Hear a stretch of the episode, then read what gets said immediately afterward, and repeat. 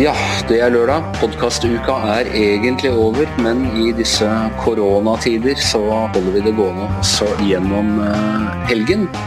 Eh, og i dag skal jeg snakke med Roar Hagen, som jo har jobba nesten døgnet rundt eh, den siste tiden for, i leder- og kommentaravdelingen, men som ikke har vært med på podkasten. Fordi eh, du var, eh, du, var helt, du var i Stavanger du, da teppet liksom gikk ned i forrige uke, Roar. Ja, jeg var, befant meg i Stavanger, i mitt andre hjem her. og og kunne ikke forestille meg at PC-en min og alt dette skulle bli innelåst i Akersgata. Og at det ikke skulle komme av flekk, og at alt blir nedstengt. Så jeg sitter her eh, overlatt til min iPad og iPhone og må klare meg med det. Og det, dette er litt sånn Dette er litt sånn uh, Pompeii, dette her. At vi er liksom Man er liksom frosset i det øyeblikket vi var da vulkanen erupterte. Ja da, vi har koagulert i vår livssituasjon med, med den vi bor sammen med, og den vi Alt, alt er liksom frosset, ikke sant. Du kan ikke. Og jobben, og ingen kan liksom foreta seg stort i det hele tatt. Så ja da, vi er, vi er innelåst i riktignok luksuriøse fengsel, da, men, men i alle fall så er vi i en, en helt ny situasjon. Innelåst i våre egne sånne uh, velstandssamfunns gravkamre på mange måter. ja, om ikke gravkammer og kompani. jo, hvis det varer lenge nok, så blir det jo det til slutt. Da sitter vi med alle flatskjermene våre og trimapparatene og, og hele greia, kommer ingen vei. Ja da, vi forgår med våre flatskjermer, vet du. Vi gjør det. Du, du har laga ja, Vi skal snakke om tegningene eh, du har laget eh, denne uka. som jeg synes at Du er alltid god, men jeg syns du fanger stemningen her på en helt spesiell måte. Og La oss bare begynne litt tilforlatelig. Eh, jeg har lagt ut nå alle disse tegningene på Gjever og gjengens Facebook-side. Så hvis dere går inn der, bare søk på Gjever og gjengen, finner siden, så alle de tegningene vi snakker om, ligger der. Men jeg har bare lyst til å starte da med et uh, ektepar som sitter oppi et digert koronavirus og er på uh, er på PC-ene sine. Ja, det var jo det var jo en slags uh, forestilling og billedgjøring av situasjonen i heimen, da. alle sitter jo på på PC-en eller iPaden og sosiale medier osv. Men saccosekken som vi sitter i, eller sofaen, har jo, har jo blitt en sånn korona-covid-19-virus, som er jo i seg sjøl i ferd med å bli et ikon som nå alle kjenner. Denne, denne ballen med disse vortene som stikker ut av. Det minner om en sånn litt sånn sugekoppball som jeg ser at mange barn har, som du kan kaste som både spretter og fester seg på, på veggen. Det er noe veldig sånn tilforlatelig over Ja, litt sånn slime, slimy. Ja, ja, ja litt den derre slinky eller et eller annet sånt. Eh, det at et så, såpass farlig virus får et såpass, eh, hva skal du si, eh, barnslig eller godfjotta uttrykk, er det er det problematisk, eller gjør det det enklere på en måte å bruke det som symbol? Det at, det at eh, viruset har en form, det er jo allerede brukt av mange. Og det, det vil jo da eh, gjøre det lettere å, å, anvende som symbol, da. Og, og har allerede gitt mange variasjoner utover i, i min bransje, i hvert fall. Så vi får takke for at viruset har en forståelig form. Ja, jeg føler litt at vi, du og jeg, sitter i hver vår sånn virussakkosekk her og, og, prater sammen nå også liksom nyter godt av de digitale uh, mulighetene som, som, vi ikke hadde bare for få år siden. Fantastisk. Altså, vi kan jo bare tenke oss hvordan dette ville være uten, uten uh, moderne digitale hjelpemiddel. så ville vi jo sikkert gå på veggen alle mann. Så, så, det setter oss i stand til både å, å arbeide og, og, kommunisere på en fantastisk måte. Vi må, vi må, takke teknologien. Men du har jo alltid jobbet mye med uh, symboler i tegningene dine, og, og, sånne gjenkjennelige ting som går igjen. Uh, ja, ikke sant? Vi, vi, ja, de forskjellige norske politikerne har, har, alle sine kjennetegn som går igjen, men så er det også faste. altså du en av de første som jeg la merke til, lenge før jeg begynte i VG og før vi ble kjent, var jo da eh, Dunk.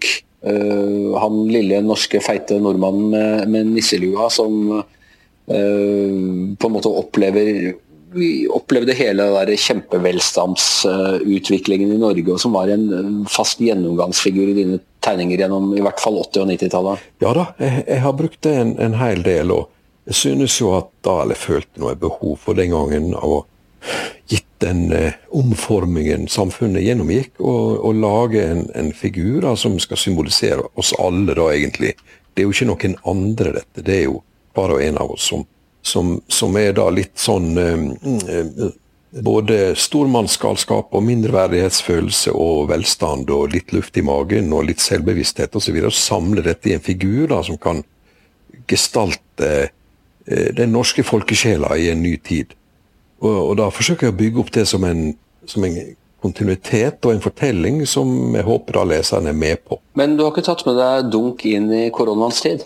Nei, jeg syns det blir altfor uh, trivielt å bruke han i koronaens tid. For nå syns jeg vi eh, heller må slå om takten til historiske og bibelske formater som, som kan, og litterære, som kan uh, være med å bidra til å forstå den situasjonen vi nå befinner oss i. Og det symbolet, den som har jeg vil ikke si at har, erstattet dunk, men som i hvert fall går igjen nå på de fleste tegningene denne uka, det er uh, den svarte svanen.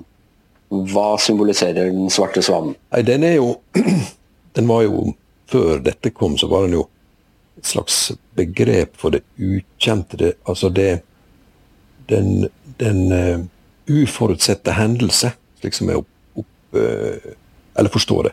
Og da er det jo glimrende å bruke som en metafor, som et symbol for en uforutsett hendelse som du nå står midt oppi, og som tross alle beredskapslager og sivilforsvar og eh, krisehåndteringsplaner kommer som julekvelden på kjerringa. Og det det er jo dette det er jo den ukjente faktor X som kan ramme oss til enhver tid, og som er så lett å glemme igjen i et trygghetssamfunn som det norske. Og samtidig eh, det uforutsette og jeg vil si også temmelig illevarslende. Vi ser da at eh, vi ser da to børsmeglere med, med blindestokk og munnbind som eh, går rett på den svarte svanen på Wall Street. Vi ser at den uh, svarte svanen eh, passerer en uh, oljeplattform hvor det står norsk økonomi. Jeg får jo også assosiasjoner til Pesta av Theodor Kittelsen, en av de virkelig store norske tegnerne gjennom tidene, som lagde den berømte greia om svartedauden og, og, pesten som kommer, og brukte en gammel kjerring med soplime som symbol. Det var fantastisk billedbruk av, av Kittelsen i sin tid. og han bidro jo for mange generasjoner, og sikkert også for en del som er unge i dag, da, noen, selv om de ikke er en del av den allmenne dannelsen lenger, så, så brukte han denne gamle kona med sopelimen til å symbolisere forferdelige hendelsen som skjedde på 1300-tallet, og hvor, hvor pesta, da, som det ble kalt, kom vandrende til hver en krok og hvert et gårdstun med denne smitten som gjorde folk både livredde og etter hvert eh, døde. Jeg tror de bruker ham i skoleverket ennå. så Hvis du blar i samfunnsfagbøker og, og historiebøker og, og hvor de lærer om svartedauden. Det er helt supert, fordi at Kittelsen er jo med å definere hele vår historie. Norske troll. Norske troll og alt dette her er fantastisk. Men, men, eh, men, egentlig så er det jo det samme som, som jeg benytter nå, da, med, med Svarte svanen og sånn. Er sånn vi billedkunstnere ofte anvender oss av symboler som kan sammenfatte og forståeliggjøre eh, store hendelser og begivenheter. Eh, det er en annen symbol du trekker fram her. på den tegningen eh, jeg nevnte hvor den svarte svanen passerer oljeplattformen, så ser du også et helikopter som trekker opp den røde gummibåten. Og Det husker jeg, husker jeg veldig godt første gang du brukte den, etter 22.07. Eh, som et slags som, eller ikke bare et slags, som et symbol på, på det som gikk galt, eh, hvordan storsamfunnet ikke klarte eh, å, å takle situasjonen der og da, da, da syns jeg liksom nesten det ble for mye. Nå er, den, nå er den innarbeidet, som nå skjønner de fleste, i hvert fall av de som følger deg, eh, skjønner umiddelbart hva den røde gummibåten betyr for noe. Ja, altså På et, merkelig vis så henger jo disse hendelsene sammen i den forstand at, at begge deler, tross helt forskjellig innretning og dramatikk, så henger det sammen på en måte at det er det uforutsette som skjer. Selv om vi har beredskap for det, det har helt sikkert vært diskutert i, i utvalg og, og, forskjellige plasser, så, så kommer det likevel som et sjokk. Og, og det er jo dette vi vi så lett kan glemme da i våre hverdagslige strev og komfort osv. At vi kan rammes av svære hendelser som setter alt ut av spill. Og, så jeg forsøker jo å, gjennom bildebruk da, å ha, ha, leserne med meg i gjennom tidene og gjennom kalenderen og fra hendelse til hendelse. Forsøke å knytte det sammen gjennom, gjennom billedbruk. og håper jo at flest mulig henger med på, på denne fortellingen. Det er jo egentlig en fortelling. Og Det er en annen tegning her også, hvor du, hvor du knytter inn da enda et symbol. og det er, Der ser vi statsminister Löfven i Sverige. Litt sånn Mummitrollaktig for anledningen. Men også eh, Han møter den svarte svanen på en mørk strand. Han står med munnbind, men han er også helt tydelig døden, og du skriver det for så vidt også inn i en liten tekst ved siden av, han er døden fra Ingmar Bergmans 'Det sjuende innseglet'. Eh, et bild, en, du bruker ofte akkurat 'Det sjuende innseglet' og døden når du skriver om Eller skriver, sier jeg, når du tegner om Sverige. Altså, det er jo Jeg har jo hatt gleden av å, å møte Max von Sydow som, som som har en, en hovedrolle i, i, det sjuende innseilet. Og eh, nå døde jo han i forrige uke og ble jo aktualisert på den måten. Men, men Bergman er jo med å definere Sverige gjennom sine bilder. Og, og, han har jo skapt bilder for film som vi husker. og Alle vi som har sett det, vil jo aldri glemme disse scenene fra Fårö, hvor, hvor han da hovedpersonen møter døden, da, og de spiller sjakk ute på stranda der. og Sånn sett så står jo Löfven overfor det som vi alle står overfor eh, til slutt. Og, og, eh, og, så blir det satt inn av meg da i en politisk aktualitet, hvor han som svenske da møter en eh, overmektig eh, motstander og, og, må forholde seg til det. Så, eh, så har jeg jo litt familie og sånn i Sverige, og så er jeg jo veldig opptatt av det som skjer der. Ja, du er ganske knytta til Sverige. Har et litt sånn kjærlighet øh, Jeg vil ikke si hat, men kjærlighet-skepsis-forhold øh, til landet? Absolutt. Og det er jo vårt gåtefulle broderfolk som har en litt annen innretning. Og de er veldig like oss, og plutselig så er de veldig ulike. Og forsøker jo da å behandle dette bildet på en, på en øh, en, en, kjærlig, men også kritisk måte. Et annet uh, broderfolk, uh, USA. Du har tegning av Trump som er i ferd med å håndhilse på ja, Fælt å le nesten, men han er i ferd med å håndhilse på, på døden her. Ja, det, det, det er noe ler jeg litt sjøl om, men det var jo da Trump, før han erkjente at det var et virus som kunne være farlig for Amerika Der var han jo for så vidt i, i båt med veldig mange andre politikere rundt om, da, men så, så tillot han seg å håndhilse på eh, delegasjoner som bar smitten med seg. Ja, Han sto på plenen utenfor Det hvite hus på fredag og håndhilste på alle de som skulle hjelpe ham å ta rotta på dette. her. ja, ja, det også gjorde han, men det var en konkret hendelse hvor han da håndhilste på en som vitterlig hadde denne smitten. Og, og sånn. Så det var jo liksom en anledning til å tegne han som skulle forholde seg til det dødelige viruset.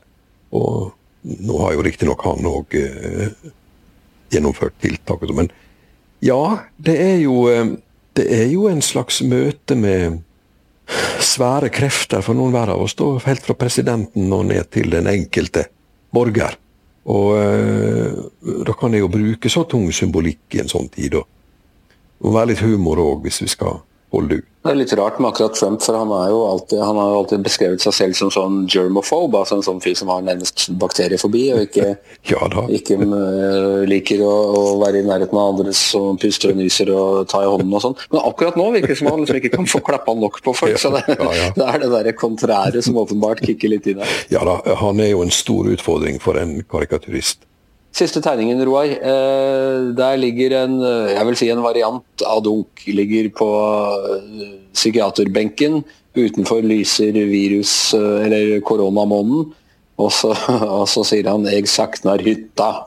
Um, ja. Du er vel er, nei, du, Det er formelt sett hus det du bor i, men, men hva tror du det kommer av at vi er, Jeg kjenner det sjøl, jeg skulle egentlig gjerne dratt på hytta og bare liksom vært kvitt uh, alle ting og isolere meg borte. Hva, hva sier du om oss nordmenn at det er dit vi søker med, med, en, med en gang fare inntreffer? Nei, det er jo Vi er jo et naturfolk som har bodd spredt. og det, det, liksom det urbane livsstilen vår i dag, den er jo en helt ny oppfinnelse. Skal ikke langt tilbake, for de aller, aller fleste nordmenn bodde på bygda og levde av primærnæringene, og fiske og landbruk og skogbruk og slike ting. Og, og, det er jo der vi har vår, vårt hjerte, da. Og som skiller oss fra en del andre folk, nabofolk osv. Så, videre. så eh, det jeg forsøker å framstille med den, er jo at eh, når når politikerne skal stenge oss ute fra hytta, så støter de jo bort i vår eh, nasjonale personlighet og karakter. Og, og um, sånn sett så er det jo en utfordring å få oss til å adlyde dette. For det er jo naturstridig. Vi vil jo søke ut i naturen når fare truer. Ja. Og uh, kan vi jo kjenne på fyr i peisen der og stenge verden ute. Det er jo et, et veldig tydelig eh, kjennetegn på en nordmann i stedet for å flokke oss sammen. Så. Hvis noen hadde fortalt oss for et halvt år siden at uh, om seks måneder så kommer Heimevernet til å bli brukt for å sende folk hjem fra hytta, så, så hadde vi ikke helt trodd på den situasjonen. Ja, nå står vi jo framfor påskefeiring, og alle med enorme hytter, vet du. Og må la Teslaen stå i garasjen. Uh, den skulle jo være fylt opp med økologisk avokado som kjørte opp uh, på, på, hyttene, vet du. Og, og de kom jo til å gå i frø. Så det blir en, en interessant påskefeiring i lavlandet. Vi må sitte hjemme i virussakkosekken og se på flatskjermen isteden, rett og slett? På Netflix. Ja, vi, vi må det, og gå tur langs strendene og, men det kan vi jo klare å overleve. Jeg tror det blir bra. Vi skal nok få til det. Eh, Roar, tusen takk eh, for at du tok deg tid. Alt godt til deg og dine borte i Stavanger. Hjertelig takk, og likeens til deg og dine, og, og ha en uh, fin helg. Vi, uh, vi høres uh, til uka. Da er Giæver og gjengen ved Roar Hagen og Anders Giæver. og vår hvite svane, som sitter fortsatt i Akersgata og sørger for at det blir podkast hver eneste dag i disse koronatidene, Magne Antonsen. Vi høres igjen allerede i en podkast i morgen.